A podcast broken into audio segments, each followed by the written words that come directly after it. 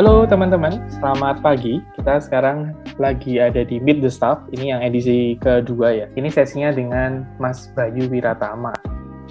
Nah ini dari Departemen Biostatistik, Epidemiologi, dan Kesehatan Populasi. Gitu ya Mas ya, bahasa ya, Indonesia-nya Mas? Benar-benar. Yes. Soalnya saya tahunya bahasa Inggrisnya nih, BEPH, Biostatistik, Epidemiology, and Population Health. Nah, pagi ini obrolan kita sama kayak yang kemarin uh, sebelum-sebelumnya. Jadi kita akan ngobrol santai tentang Mas Bayu dan perjalanannya sampai sini. Dan mungkin Mas Bayu ada beberapa hal yang mungkin bisa dibagi terkait risetnya, minatnya, lalu tips atau trik untuk jadi pembelajar seperti Mas Bayu. Nah, kita kenalan dulu nih sama Mas Bayu. Halo Mas Bayu, selamat pagi. Pagi Mas. Yes, Mas Bayu. Mas Bayu, makasih banget udah bersedia untuk ngobrol sama kami di Meet, Meet the Staff nih. Terima kasih, sama-sama. Uh, Mas Bayu, boleh diceritain nggak? Ini backgroundnya Mas Bayu ini apa sih, Mas? Atau Mas Bayu ini siapa sih, gitu? Iya, uh, sebelumnya perkenalkan nama saya Bayu Satria Wiratama. Jadi saya kalau dibilang siapa saya, kalau sekarang saya adalah seorang epidemiolog jadi orang yang ngublek masalah epidemiologi, masalah penyebaran penyakit, baik itu menular atau tidak menular. Kebetulan fokus riset saya juga dua penyakit menular sama tidak menular. Yang penyakit menular eh, tidak menular ini kebetulan fokus riset di S3 juga. Ya, jadi saya seorang epidemiolog yang kebetulan juga menjadi seorang dosen di Fakultas Kedokteran Kesehatan Masyarakat dan Keperawatan UGM di Departemen tadi Statistik, Epid, dan Kesehatan Populasi. Mungkin itu sekiranya. Oke, Mas Bayu.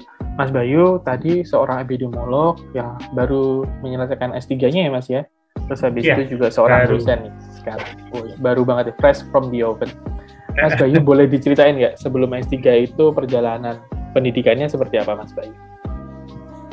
Ya, kalau sebelum S3, saya dari satu di kedokteran UNER, kemudian lanjut S2 di uh, epidemiologi lapangan di UGM. Ya itu juga dulu nggak tahu epid, epid lapangan dulu kiranya kayak epid biasa gitu. Tapi ternyata epidemiologi lapangan itu tidak seperti epid biasa karena tugasnya banyak dan tugasnya itu bentuknya kayak riset 6, 6 riset uh, lebih yang KLB itu kan dua jadi total mungkin sekitar tuh Eh, tujuh plus sama termasuk tesis.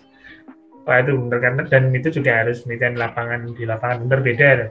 Tapi di situ memang apa terasa sekali sih pengalaman dan apa work experience-nya yang selama magang di lapangan itu uh, sangat membantu sekali. Di sana terus kemudian banyak terlibat sama kegiatan di FT lapangan di UGM, FTP di FTP UGM, kemudian akhirnya jadi asisten dosen dan akhirnya diminta untuk daftar di dosen. Di tahun 2017 kemarin uh, terima jadi dosen. Baru kemudian dari 2018 itu berangkat S3 terus 2021 lulus ya berarti mas Iya, alhamdulillahnya lulus. Cepat sekali, luar biasa nih Mas Bayu. Mas Bayu, ini tadi menarik nih bahwa Mas Bayu ini saya nggak tahu nih saya boleh ngomong salah jurusan atau enggak. Mungkin bukan salah jurusan ya karena akhirnya mencintai. Cuman tidak tahu dulu sebenarnya ini tuh yang diambil itu ternyata berbeda dengan yang dibayangkan gitu. Kalau ceritanya tadi epidemiologi lapangan gitu. Nah teman-teman mungkin ada yang belum tahu juga nih tadi itu ternyata bukan seperti epidemiologi yang saya bayangkan dan yang dibayangkan tuh epidemiologi yang seperti apa sih mas sebelumnya? Dan apakah itu memang ada dua gitu yang dibayangkan dan yang dijalani itu apakah memang dua ilmu yang memang berbeda atau gimana tuh mas? Ya jadi dulu bayangannya epidemiologi yang umum gitu dia ada uh, riset lapangannya mungkin tidak saya bayangkan sebanyak itu. Ada mungkin ada lah ya riset lapangan karena S2. Tapi begitu tahu saya pikir kan epidemi lapangan oh ya riset lapangan mungkin ada magang ya. Itu magang memang sudah diprediksi tapi jumlah riset lapangannya itu yang saya tidak terprediksi dan memang lebih banyak applied-nya jadi lebih banyak di tempat ilmunya di lapangan. Karena bayangan saya dulu ya masih tipikal S2 yang biasanya in kelasnya banyak mungkin terus apa sebagian dari waktunya ada magang dan ada riset. Tapi kalau di lapangan ternyata terbalik. Yang sedikit in kelasnya banyak di lapangannya jadi banyak di dinas kesehatan. Muter-muter puskesmas dari ujung atas sampai ujung bawah dari daerah bantu-bantu teman KLP di daerah lain. Ya itu semua pengalaman baru yang mungkin saya nggak akan dapat juga kalau saya ke EPIT umum ya bukan di UGM jadi ya, ada banyak senternya kan. Ada di UNER ada di UNDI di Udayana UNPAD UI tapi bedanya mereka semua punya EPIT yang umum. Kalau di UGM saat ini baru adanya EPIT lapangan nah. Jadi saya nggak bisa milih waktu itu sudah ya udah terlanjur milih di sini ya sudah dijalani aja. Dan itu uh, sebenarnya kayak pertambangan ilmu jadi kayak spesialisasinya dari epidemiologi. Jadi kalau epidemiologi biasanya ada ada epidemiologi umum, ada epidemiologi komunitas, epidemiologi klinik yang lebih banyak di rumah sakit. Kemudian ada juga yang epidemiologi lapangan ini. Nah ini ada satu juga nanti yang epidemiologinya kalau sekarang sudah sampai ke ranah apa? Sosial media gitu. Mm -hmm. Jadi dia lebih banyak ke teknologi juga ada. Jadi memang sekarang udah lebih diverse lagi. Genetik juga. Tapi yang ada di apa? FKUGM waktu itu uh, oh yang saya tahu di dokter kesehatan masyarakat ya cuma etik lapangan. Tapi ternyata di setelah masuk ternyata baru setelah lulus itu ya baru tahu oh di apa UGM juga ada. Tapi masuknya kedokteran klinis bukan kesehatan masyarakat ada epidemiologi klinik di sana. Ya jadi itu salah satu cabang ilmunya aja dari satu rumpun sama epidemiologi cuma dia cabangnya ini. Bagaimana Mas Bayu uh, menggambarkan pengalaman-pengalaman belajar di di saat itu waktu S2 gitu. Kalau saya dengar tadi sekilas kan menyenangkan, uh, menakjubkan karena saya nggak pernah tahu. Terus habis itu tiba-tiba harus melakukan ini dan uh, hands-onnya sesuatu yang mungkin tidak didapat dari uh, kuliah. Ada lagi nggak uh, apa yang bisa menggambarkan pengalaman-pengalaman itu, mas? Iya dan itu selain tadi juga ada ini apa? Kita kayak benar dapat real apa real world experience gitu. Jadi apa yang kita bayangkan di kuliah gitu itu semuanya serba sempurna. Kalau kita lihat biasanya kita belajar studi kasus di kelas itu kan uh, settingannya settingan ya bagus jadi artinya kita tanya semua orang itu mau diwawancara terus dapat datanya mudah. Tapi setelah di lapangan itu ya kita berasa oh ternyata tidak semudah itu. Mulai dari perangkat desanya yang tertutup keluarganya yang apa menjadi tuan rumah yang terkena yang kita jadi KLB itu juga tertutup. Mereka nggak mau ngasih tahu siapa yang masak sehingga kita harus tanya dari door to door tetangga satu tetangga lain. Dan itu kalau di waktu itu seringnya KLB-nya ya di tempat desa yang dari satu rumah ke rumah lain itu nggak ya dekat kayak di kota jadi harus jalan. Kadang ya dari bisa naik motor ya udah jalan kaki. Terus nah itu sambil nyari ini itu bener kayak wah ini ternyata tidak seindah bayangan. Tapi ya menjadi menarik karena kita tahu oh tantangannya itu ya kita kalau punya ilmu ya cuma ilmunya tapi gimana caranya kita di lapangan itu bisa mengaplikasikan terus kita bisa mendekat personal apa pendekatan personal ke orang yang mau kita wawancara. Karena kalau yang bilang kalau di lapangan itu seperti detektif jadi kayak main ya kita seperti role play jadi detektif karena gimana caranya kita nebak apa sih penyebab penyakitnya kenapa kok itu bisa terjadi dengan kadang informasinya itu minim. Yang laboratorium nggak dapat detail masaknya nggak dapat nah itu terus kita berusaha mereka ulang kejadian. Nah itu yang benar apa bikin banyak pengalamannya di situ. Karena kita ya belajar ditolak orang. Belajar ditolak orang, ditolak pemerintah, apa ditolak pegawai pemerintah sendiri. Sampai akhirnya pernah ada KLB itu yang DPRD-nya turun, polisi turun terus kita langsung mikirnya waduh ini orang yang apa orang yang ketempatan hajat ini kemungkinan nggak mau lagi ditanya ini karena kan kita mau turun harus nunggu polisi DPRD kita kan yang terakhir ya kita siapa sih? Kita hanya mahasiswa magang jadi wes bener sampai sana itu ya mereka sudah yang mukanya jutek gitu seperti itu ya. Jadi kita gimana caranya mengambil hatinya mereka terus nanya-nanya ke tetangga ya pengalamannya pahit-pahitnya ya ada seneng-senengnya ada komplit pokoknya komplit ya jadi teman-teman yang uh, udah masuk FVTP ini kalau dari pengalaman Mas Bayu ini harus bersiap-siap untuk mendapatkan pengalaman yang komplit ya Mas ya. Iya, itu jelas itu. Di awal kalau kita wawancara mahasiswa baru, calon mahasiswa selalu gitu. Udah siap belum? Kalau belum siap jangan masuk. Pengalaman ditolak orang ya. Ditolak orang yang kita bisa lihat mukanya gitu. Kalau ditolak reviewer jurnal mah nggak apa-apa, nggak kelihatan iya, mukanya. Nggak kelihatan, nggak ngomong di depan ini bilang langsung, oh nggak tahu tutup pintu belum ngomong sudah nggak tahu lo ini apa nah, itu pasti pengalaman-pengalaman yang seru tuh dan jadi detektif ya jadi apa namanya me, me, merangkai puzzle-puzzle yang berserakan gitu sampai punya yeah. ini nggak mas apa namanya uh, board yang yang ditempel-tempel yang kayak film detektif terus ada foto dipakai thumbtack gitu terus pakai benang merah gitu nggak? Wah, itu... kayak gitu. Ya? Enggak, biasanya kita cuma di kertas gitu kita ya, tulis ini orang ini ke sini okay. terus dia masak kita ketemu siapa. Berarti dia kenanya di mana ya ini gini. Nggak ya nggak sampai itu deh pasti bagus itu kita benar coretan aja. ya tapi apa berarti uh, ide untuk di film detektifnya beneran kejadian ya itu? Iya benar. Bahwa harus gambar gitu. Harus harus tahu penularan penularannya seperti apa, siapa yang duluan, sampai dari mana sih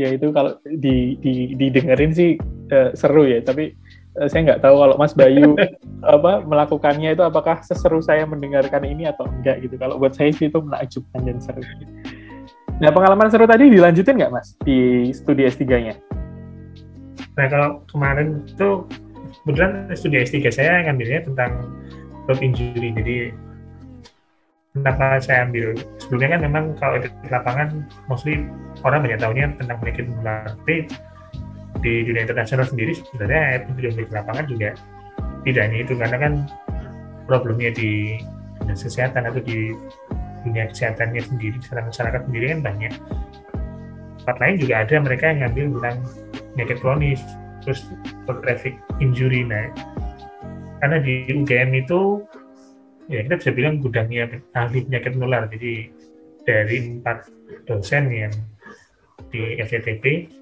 itu tiga itu mendalami penyakit menular. Di Mbak Santi, Bu Citra, Pak Doni itu semua fokusnya ke sana, riset-risetnya fokus ke sana.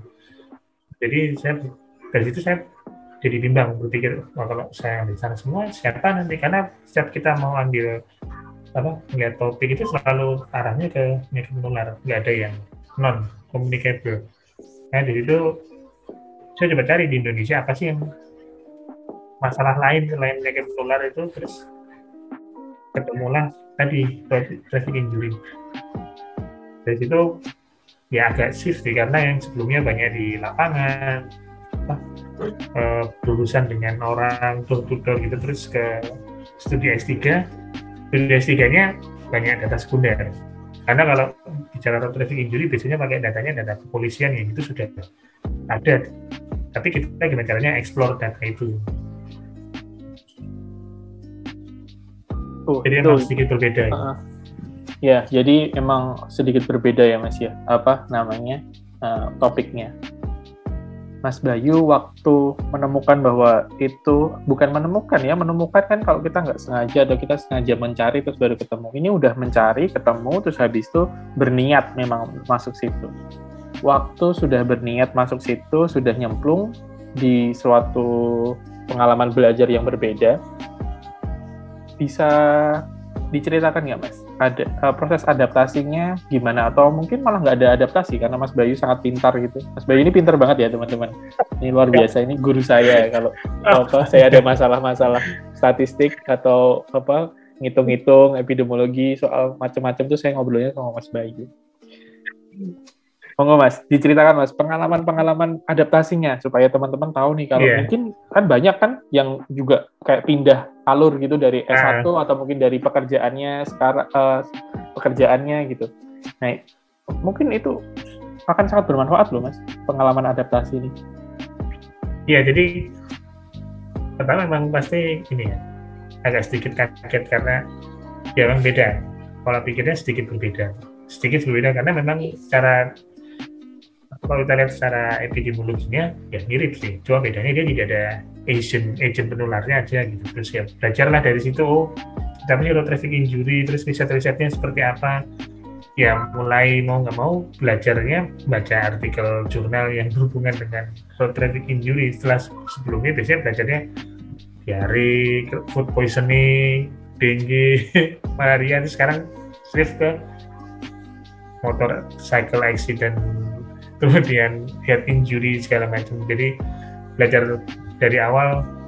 Dan itu mungkin orang melihatnya oh enggak mas Bayu ini sudah menguasai gini enggak ya gitu karena saya benar-benar baca-baca lagi. Karena kebetulan dapat pembimbingnya juga yang tipikalnya kamu harus belajar mandiri kan. Baru nanti kita diskusi. Jadi dia nggak mau kita nggak belajar. Ya otomatis harus belajar. Kalau enggak disemprot terus kata-kata lain yang benar-benar dalam bahasa Inggris ya itu kalau dijemain inilah nggak enak lah menusuk benar-benar menusuk di hati harus otomatis harus adaptasi ya baca tadi dan kebetulan salah satu yang menolong juga untuk proses adaptasi itu skill yang saya dapatkan saat kuliah S2 dan saat menjadi asisten dosen itu sangat berpengaruh, sangat ini membantu yaitu skill manajemen data, skill analisis. Karena dulu kebetulan ini bermulai sebenarnya kalau dilihat itu dari belajar S2 itu kita nggak ada yang bisa statistik ya udah mau ngomong saya ketua kelas saya harus belajar. Jadi belajar dari situ banyak uh, terlibat terus kemudian terlibat riset juga sebagai data manager sebagai data analysis ya udah akhirnya skill kalau bisa dibilang mungkin yang buat saya berbeda ketika S3 dengan yang lain itu skill fondasinya. Jadi ketika saya harus pindah haluan dan jurusan skill dasarnya baseline saya beda dengan yang lain. Jadi makanya uh, ketika ada yang nanya lo gimana apa yang harus saya lakukan dulu itu perkuat fondasinya. Fondasi kalau fondasi kalian kuat, skill-skill dasarnya kalian tahu seperti data management, terus skill ketika appraisal jurnal, kemudian bagaimana cara mencari jurnal yang bagus, kemudian cara apa baca jurnal itu mana sih yang perlu dibaca secara detail dulu? Kan nggak semua tapi lihat dulu yang mana. Nah itu kemudian skill menggunakan software statistik dan yang lain itu kalau fondasi dasarnya kuat ketika harus shift kita nggak kesusahan jadi kita tahu oh tinggal ganti tema tinggal belajar apa tema yang berbeda. Tapi fondasinya kan sama. Nah, itu yang cukup membantu ketika kemarin adaptasi karena skill dasarnya sudah kebetulan punya saya sudah tertempa dengan yang sebelumnya jadi sudah lumayan stabil. Jadi nggak harus belajar ulang data manajemen segala macam. Jadi tinggal ubah aja apa yang harus saya pelajari ya itu pelan-pelan. Jadi nggak harus belajar ulang fondasinya. Mas Bayu pernah dengar nggak? Mas Bayu sih enak udah pinter. Nah saya mulai dari awal gitu. pernah dengar kayak gitu nggak kemarin? Oh ya sering lah. Gimana Mas Bayu mendapat itu? Karena memang saya tahu ya kalau Mas Bayu tadi cerita kalau fondasinya kuat dan saya merasakan itu juga terus uh, kayak swift banget gitu kalau jawab itu kayak effortless gitu karena mungkin ya itu tadi tapi mungkin ada kefrustasian orang-orang itu akan berbuah ngomong kayak gitu gitu pada akhirnya. Nah, bagaimana Mas Bayu menanggapi itu? Karena itu mungkin akan keluar juga dari eh, murid-murid uh, atau dari uh, rekan-rekan sejawat juga gitu. Iya itu saya sering sih banyak teman di TMU waktu S3 itu ya dari sama S3 atau teman yang ngambil S2 itu bilang wah sudah ini enak ya sudah. Oh pinter gak usah belajar lagi. Enggak juga itu karena sebelumnya saya sebelumnya itu mereka nggak tahu aja kalau untuk mendapatkan dasar seperti sekarang baseline skillnya itu ya saya mati-matian juga belajar otodidak karena nggak ya karena nggak ada yang bisa ngajarin.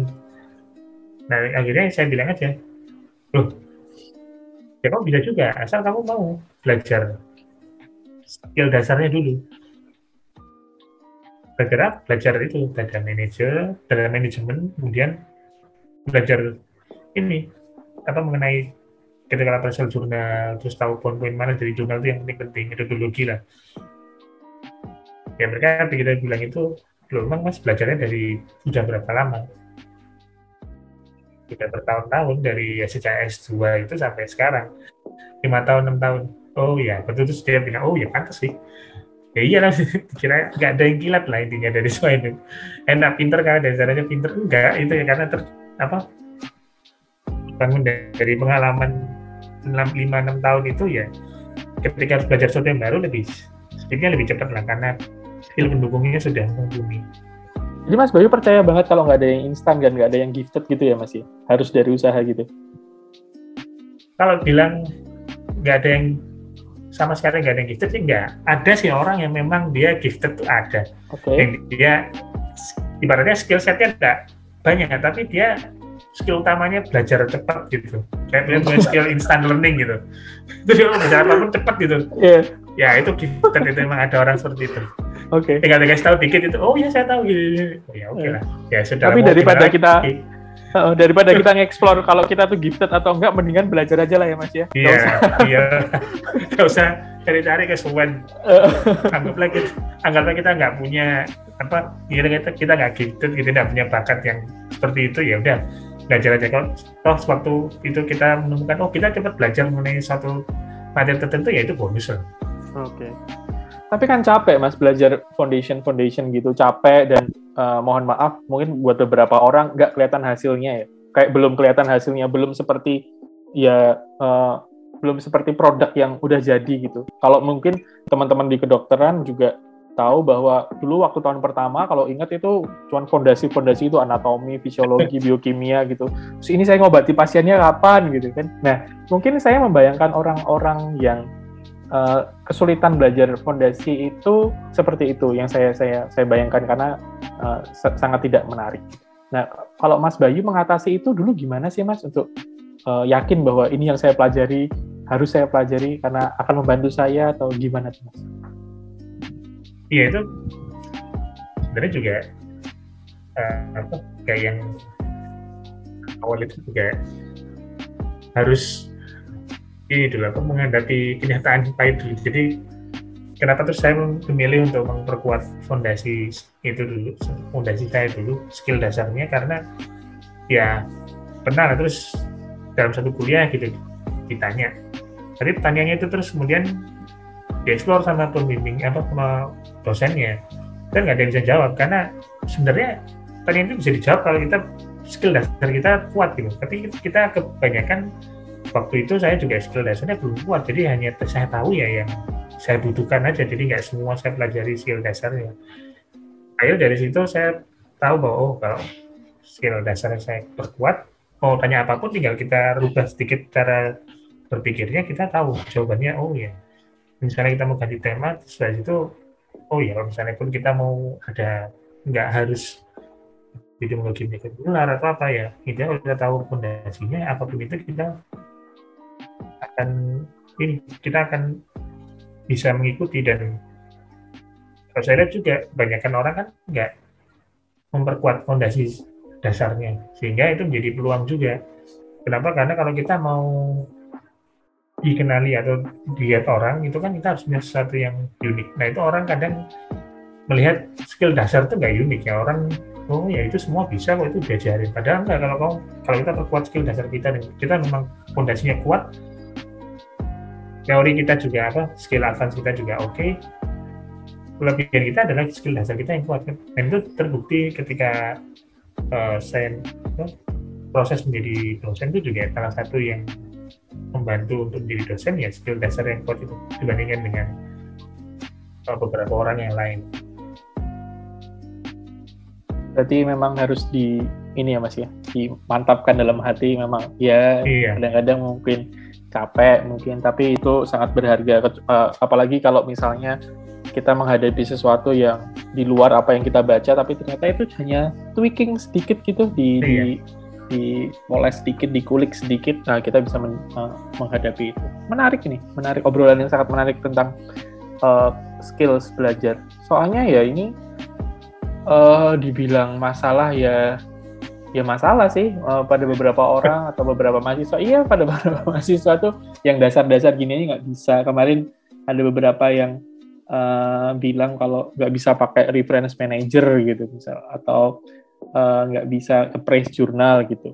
Kalau pertanyaannya suggest gitu uh, terus habis itu dia mengira bahwa kita harus memberikan saran gitu. Pada pertanyaannya nggak kayak gitu pertanyaannya tuh bahwa uh, ini passage ini uh, jurnal ini suggest apa? Maksudnya mereka ngomongin apa gitu.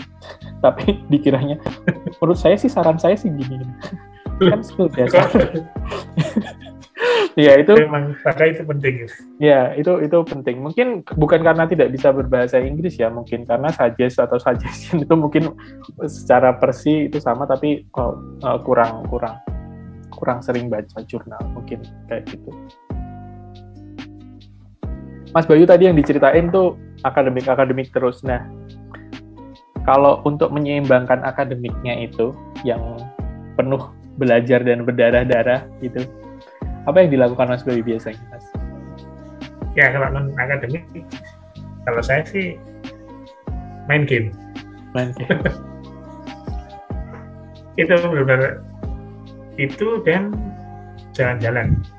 Tapi yang paling utama biasanya main game. Hmm. Jalan-jalan gimana mas kalau sekarang gini?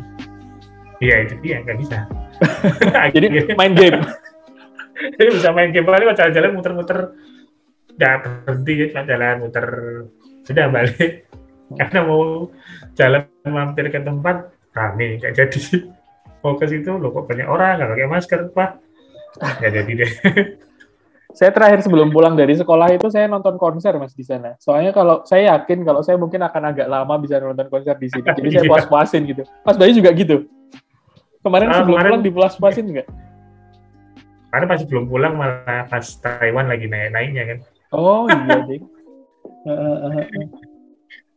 ya itu. pulang terus turun. Iya. Yeah. yang namanya jodoh itu nggak ke mana itu termasuk kalau nggak iya. jodoh juga nggak bisa ke mana-mana. Iya. sama mas.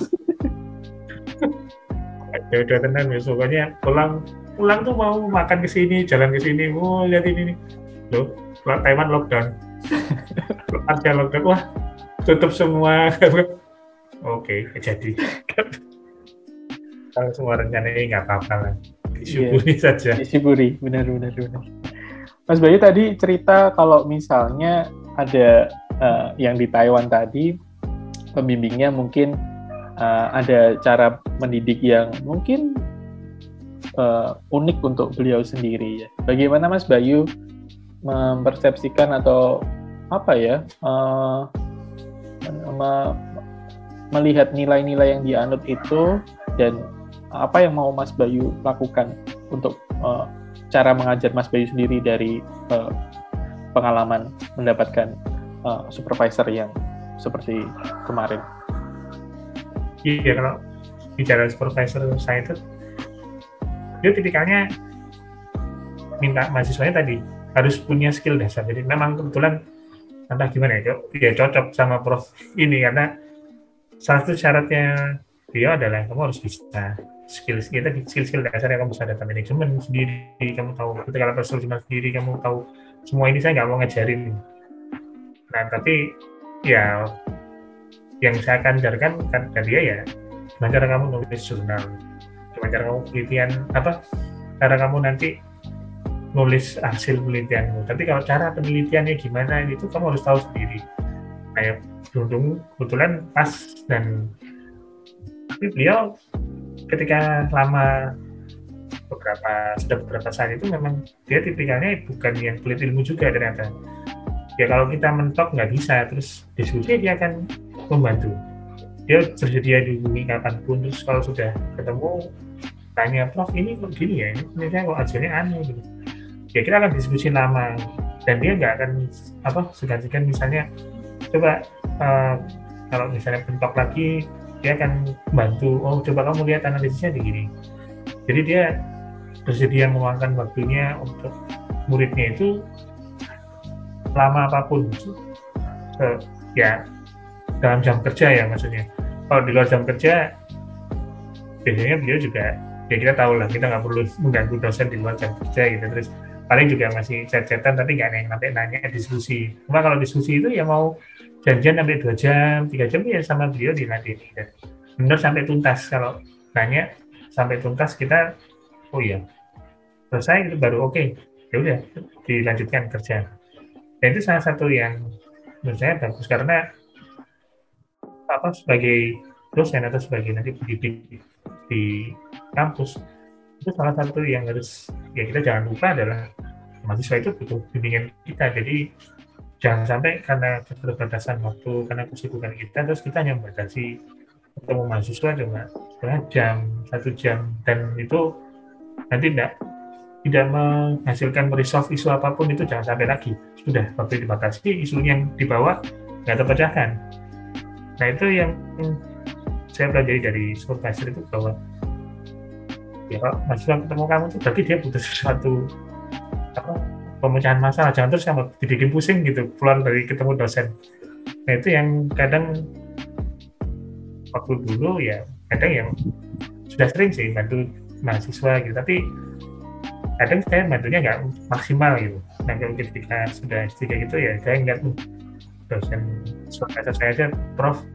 Yang otomatis itu banyak bimbingan kayak cuma saya terus tulis juga riset juga. Tapi masih mau dia meluangkan waktu terus kalau ada yang trouble dia mau bantu troubleshoot sampai semuanya beres. Itu kan berarti menunjukkan bahwa bagi dia semua dan itu semua mahasiswa dia mau seperti itu. Ya itu boleh lagi asal mahasiswanya mau ya. Nah itu yang mau saya terapkan juga bahwa kalau ya kalau mahasiswa ketemu saya ada isu apa ya? Sampai itu selesai baru saya akhiri sesi diskusinya kalau dia masih belum jelas ya udah lanjutkan. Jangan nanti terus karena terbatas waktu ya misalnya kalau terbatas waktu nanti dilanjutkan misal dengan chat yang nanti dia jangan sampai dia masih membawa isu yang sama masalah yang sama ketika setelah ketemu sama kita. Itu salah satu yang ya yang lainnya sih ya beberapa ada sih yang nggak perlu dicontoh kayak marah-marahnya beliau itu ya. Nggak usah tapi memang lama-lama ke belakang sih sudah nggak pernah karena dulu memang beliau tipikalnya marah kalau kita melakukan kesalahan yang bagi beliau itu sepele gitu. Simpel gitu. Harusnya nggak melakukan kesalahan itu tapi kita nggak sengaja melakukan oh, langsung marah-marah. Ya tapi lama-lama ketika sudah kenal terus sering dan kesalahan kita semakin berkurang ya beliau baik. Jadi ya, Mas Bayu nggak ada rencana untuk meniru itu kan Mas?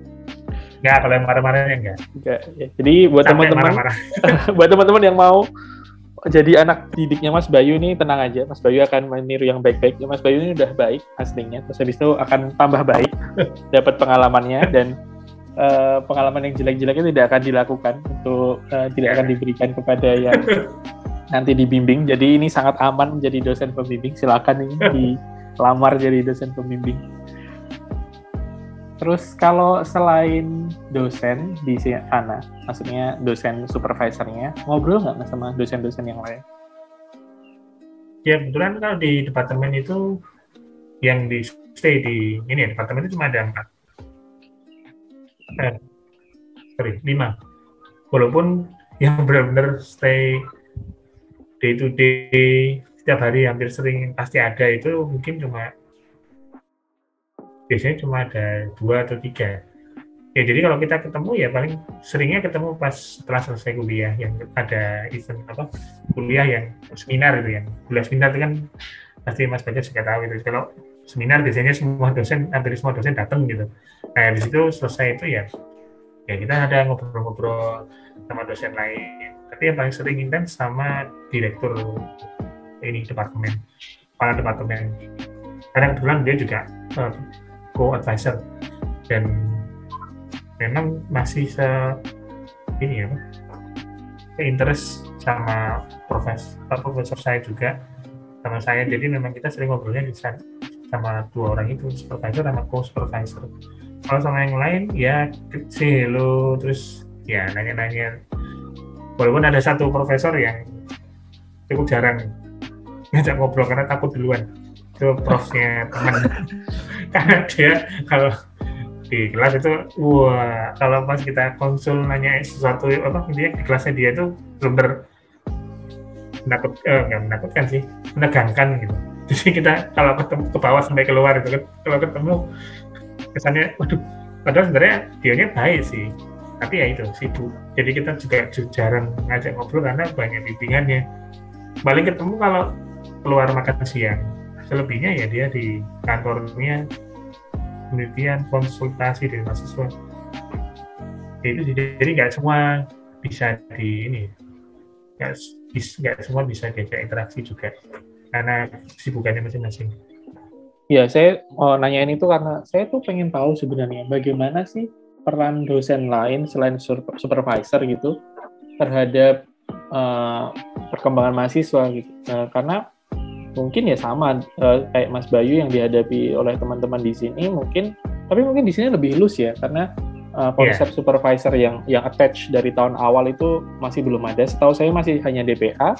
DPA itu bisa berlanjut menjadi pembimbing tesis atau enggak gitu. Tapi tidak ada terus habis itu kamu sama dia kamu milih sendiri cari ekspertis sendiri gitu harus belajar nempel gitu kan konsepnya nggak ada nah jadi saya itu cuma mau lihat uh, atau mau tahu perspektif Mas Bayu tentang uh, interaksi dengan dosen lain selain supervisor ini bagaimana sih dia membentuk Mas Bayu yang sekarang ini? Apakah tetap ini pure supervisor atau juga ada kalau saya pure supervisor karena memang ya eh nggak nggak pure sih. Maksudnya sebagian besar dari supervisor. Mm-hmm. kalau dari yang lain itu, itu tetap ada kontribusinya terutama uh, salah satu dosen yang kebetulan saya tertarik dengan ini ilmunya beliau walaupun itu tidak terkait dengan penelitian saya jadi terkait dengan instrumen bagaimana cara develop instrumen yang bagus terus diuji gimana cara ujinya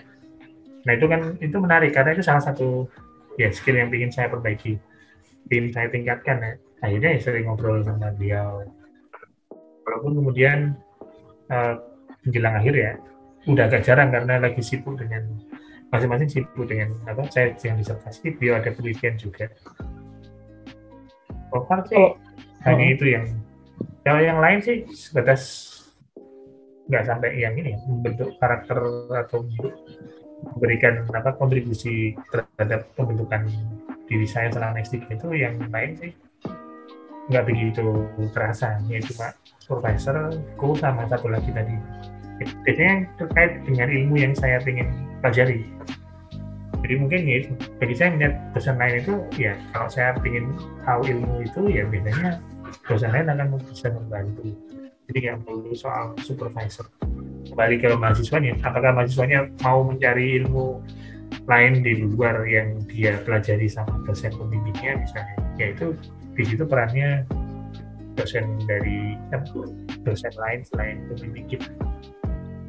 Oke Mas Bayu, Mas Bayu kalau misal mau mentranslasikan pengalaman-pengalaman itu untuk teman-teman yang sekolahnya di Indonesia yang mungkin berbeda berbeda ininya ya apa namanya uh, sekarang ini kondisinya masih berbeda karena ya masih banyak kuliah lalu dosennya macam-macam gitu Mas Bayu menganggap ini sebagai sesuatu yang uh, lebih baik lebih baik kayak lebih banyak dosen yang terlibat dalam pembentukan mahasiswa itu atau enakan pakai supervisor satu terus habis itu uh, uh, dari awal sampai akhir gitu sih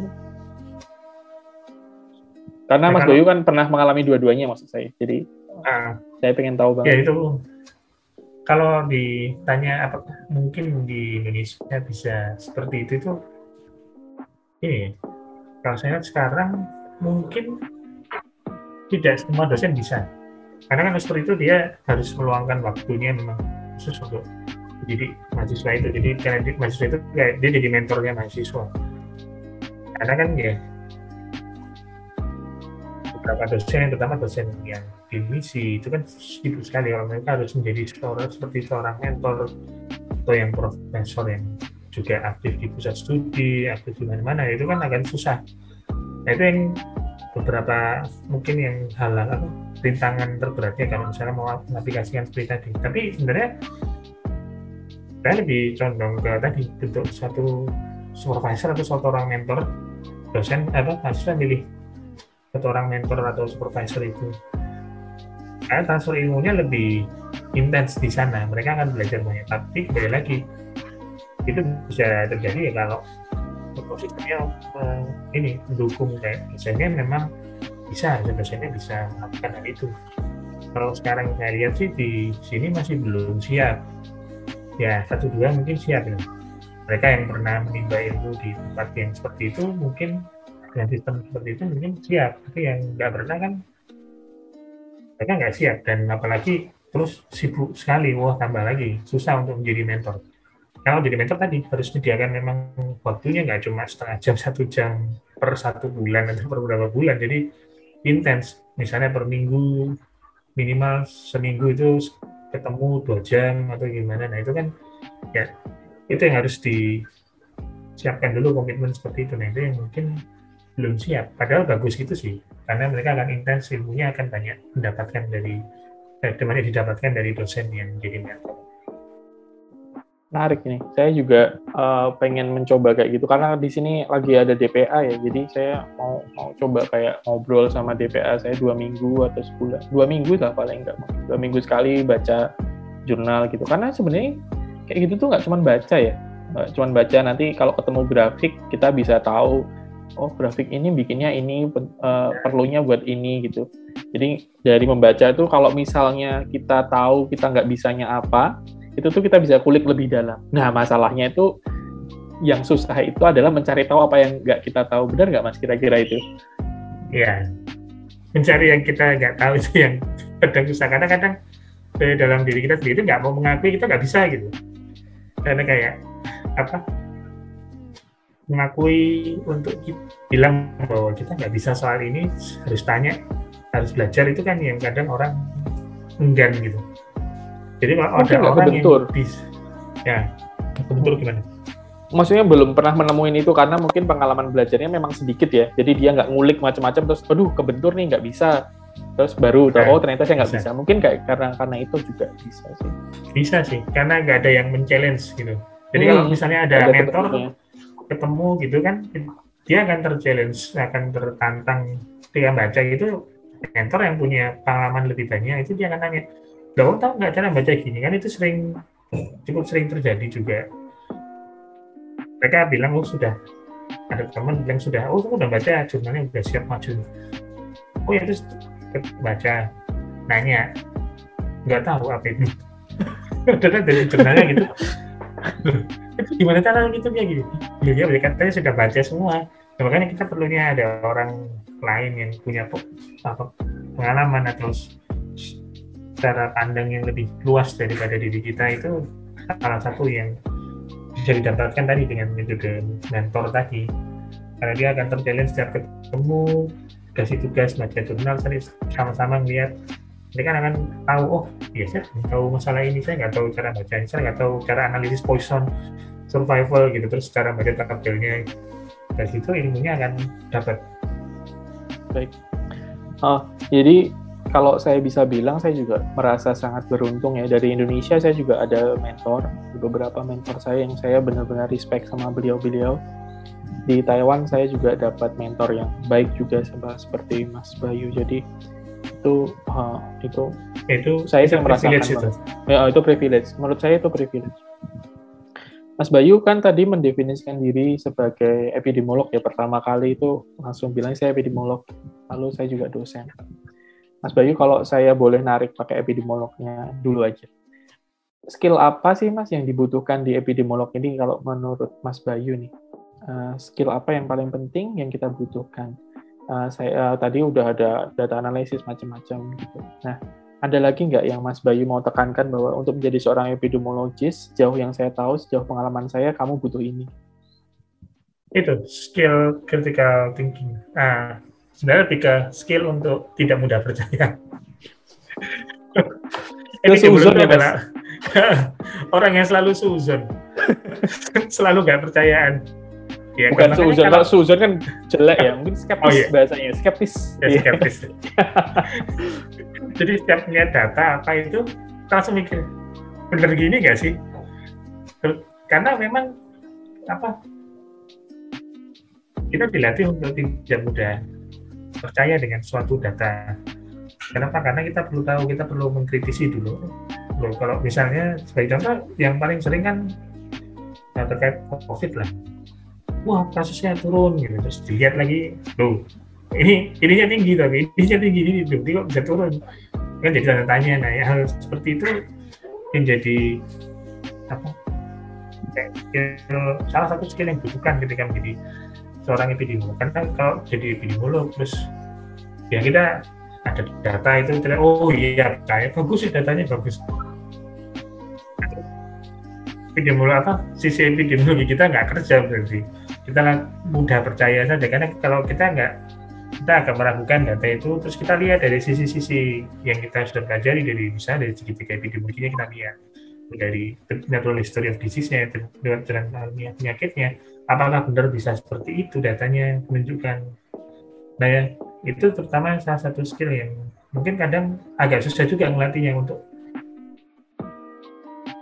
skeptis atau tidak mudah percaya dengan data yang ada. Itu salah satu yang memang harus dilatih dari ketika mendapatkan sedang dalam ini studi S2 atau studi S1 karena kalau mau menjadi seorang epidemiolog ya kita harus selain skill tadi ya data manajemen segala macam. Dan juga adalah skill karena karena kita selalu berpikir kritis gitu. Jangan mudah percaya dengan apa yang diberikan orang bahkan oleh dosen. Ya bukan apa-apa bu. Dosen pun bisa salah, prof pun bisa salah dan itu memang ya itu manusiawi. Dan tugasnya kita sebagai seorang epidemiolog itu kita mengupas apa apa kejadian kejadian itu dengan lebih detail dari orang lain. Dan kalau misalnya sudah kita lihat dengan lebih detail, oh ya memang seperti itu ya, oke nggak apa-apa. Tapi minimal kita tahu kita sudah melihat dia dengan apa sudut pandang seorang epidemiologi. Jadi berpikir kritis Wah ini menarik banget ya. Berpikir kritis. Lagi-lagi kita balik lagi ke, ke skills yang mungkin bukan seperti yang dibayangkan orang. Mungkin orang membayangkan akan kamu harus bisa mengoperasikan ini, harus bisa melakukan data analysis. Tapi ternyata kita balik lagi nih sampai ke belakang lagi bahwa ya kita harus punya skill-skills yang beneran uh, fondasi dulu supaya untuk uh, uh, menjadi epidemiolog yang yang baik menurut ya, apa se, sejauh pengalaman Mas Bayu selama ini. Mas Bayu tadi saya juga dengar kalau Mas Bayu tadi pengalaman ditolak misalnya di sana sama warga, terus habis itu ngobrol sama supervisor mungkin harus ada ininya, harus ada uh, ada selahnya atau uh, ada cara berkomunikasi. Dan saya juga membayangkan kalau epidemiologi ada data atau grafik kita harus bisa membicarakan hal itu, mendiskusikan dan juga mempengaruhi outcome kesehatan dengan advokasi atau menulis paper dan macam-macam. Kalau saya mau tanya soal skill komunikasi skill komunikasi yang kayak gimana sih mas yang dibutuhkan mahasiswa atau mungkin praktisi-praktisi uh, kesehatan kita yang berkaitan dengan itu tadi untuk untuk menjadi uh, epidemiolog tadi. Terus habis itu kalau udah dapat kita mengkomunikasikannya gimana mas? Ya kalau bicara soal komunikasinya dari beberapa tahun yang belajar ini sebenarnya kalau targetnya apa komunikasi kita targetnya adalah kita mau mengkomunikasikan masyarakat awam itu dari kita harus belajar gimana caranya menyederhanakan hasil. Itu yang dan ngomongnya itu komunikasinya dengan bahasa yang mudah dimengerti. Itu yang kadang itu yang kadang susah-susah gampang.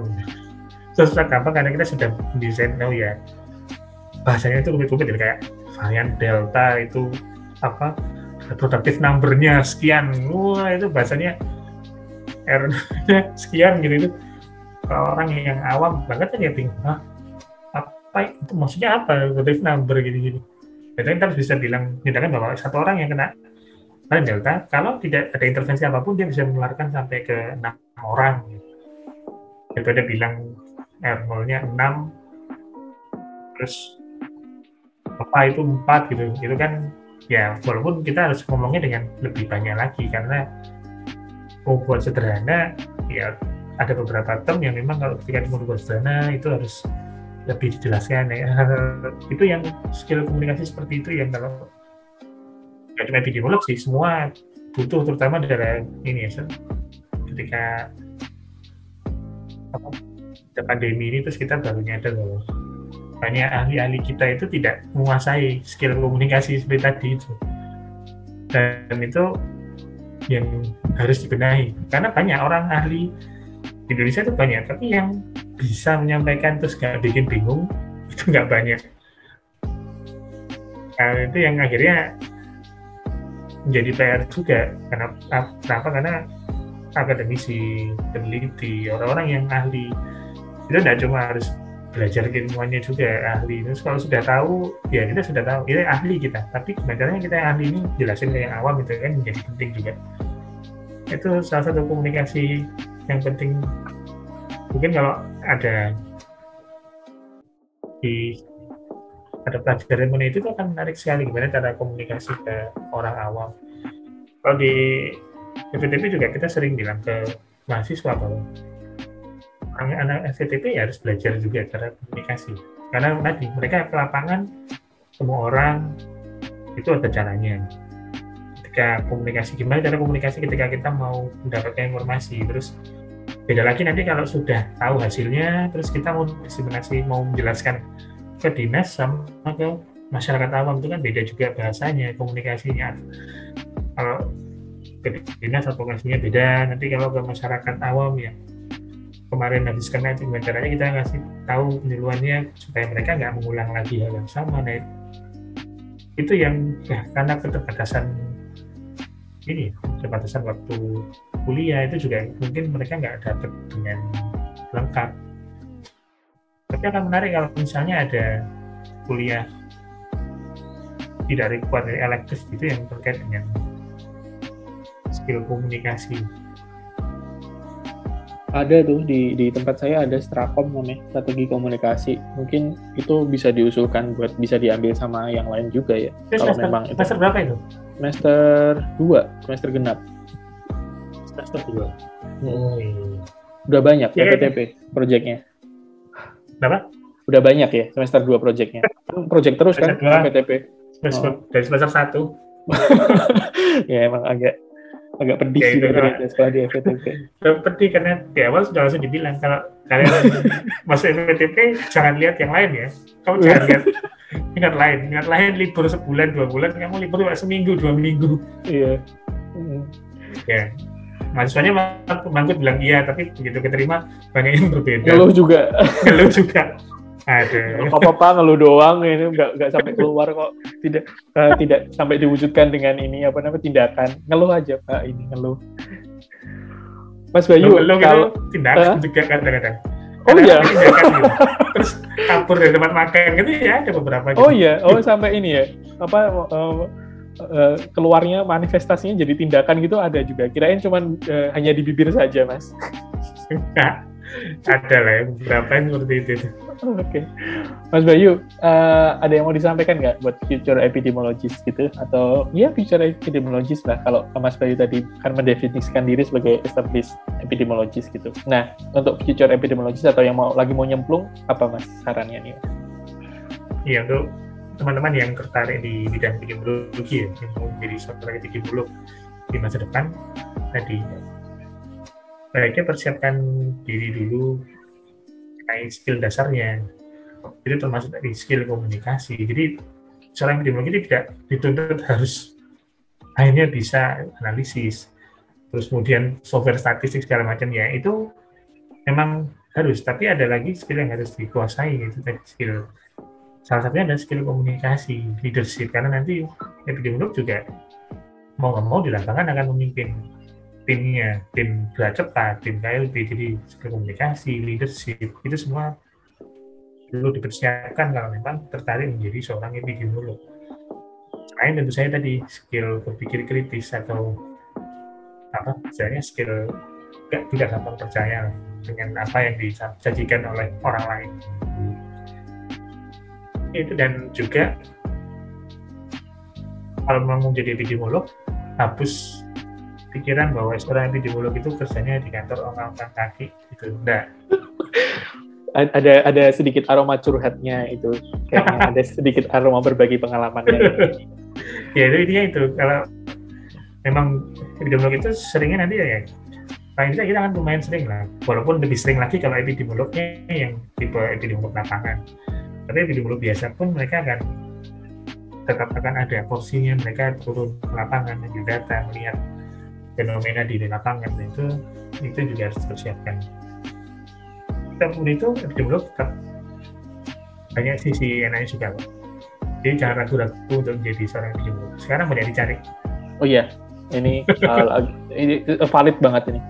Bahkan waktu uh, covid awal-awal itu uh, jurusan public health di Taiwan tuh gue langsung membludak katanya karena apa namanya warrior kan di di di di, hmm. di sana. Jadi uh, ceritanya itu uh, Prof saya bilang bahwa oh ini sekarang lagi banyak banget nih uh, semua lagi banyak banget pendaftar yang pengen masuk jadi epidemiologis karena menterinya kan keren tuh. Jadi apa iya. namanya apa uh, iya maksudnya kan dia, lulusan sekolah kita gitu. Jadi sekolah kita jadi apa namanya ya, ikut keikut juga bahwa dia oh itu dia dulu sekolah di sini. Alumninya dari sini. Oh, oh, oh jadi jadi gitu.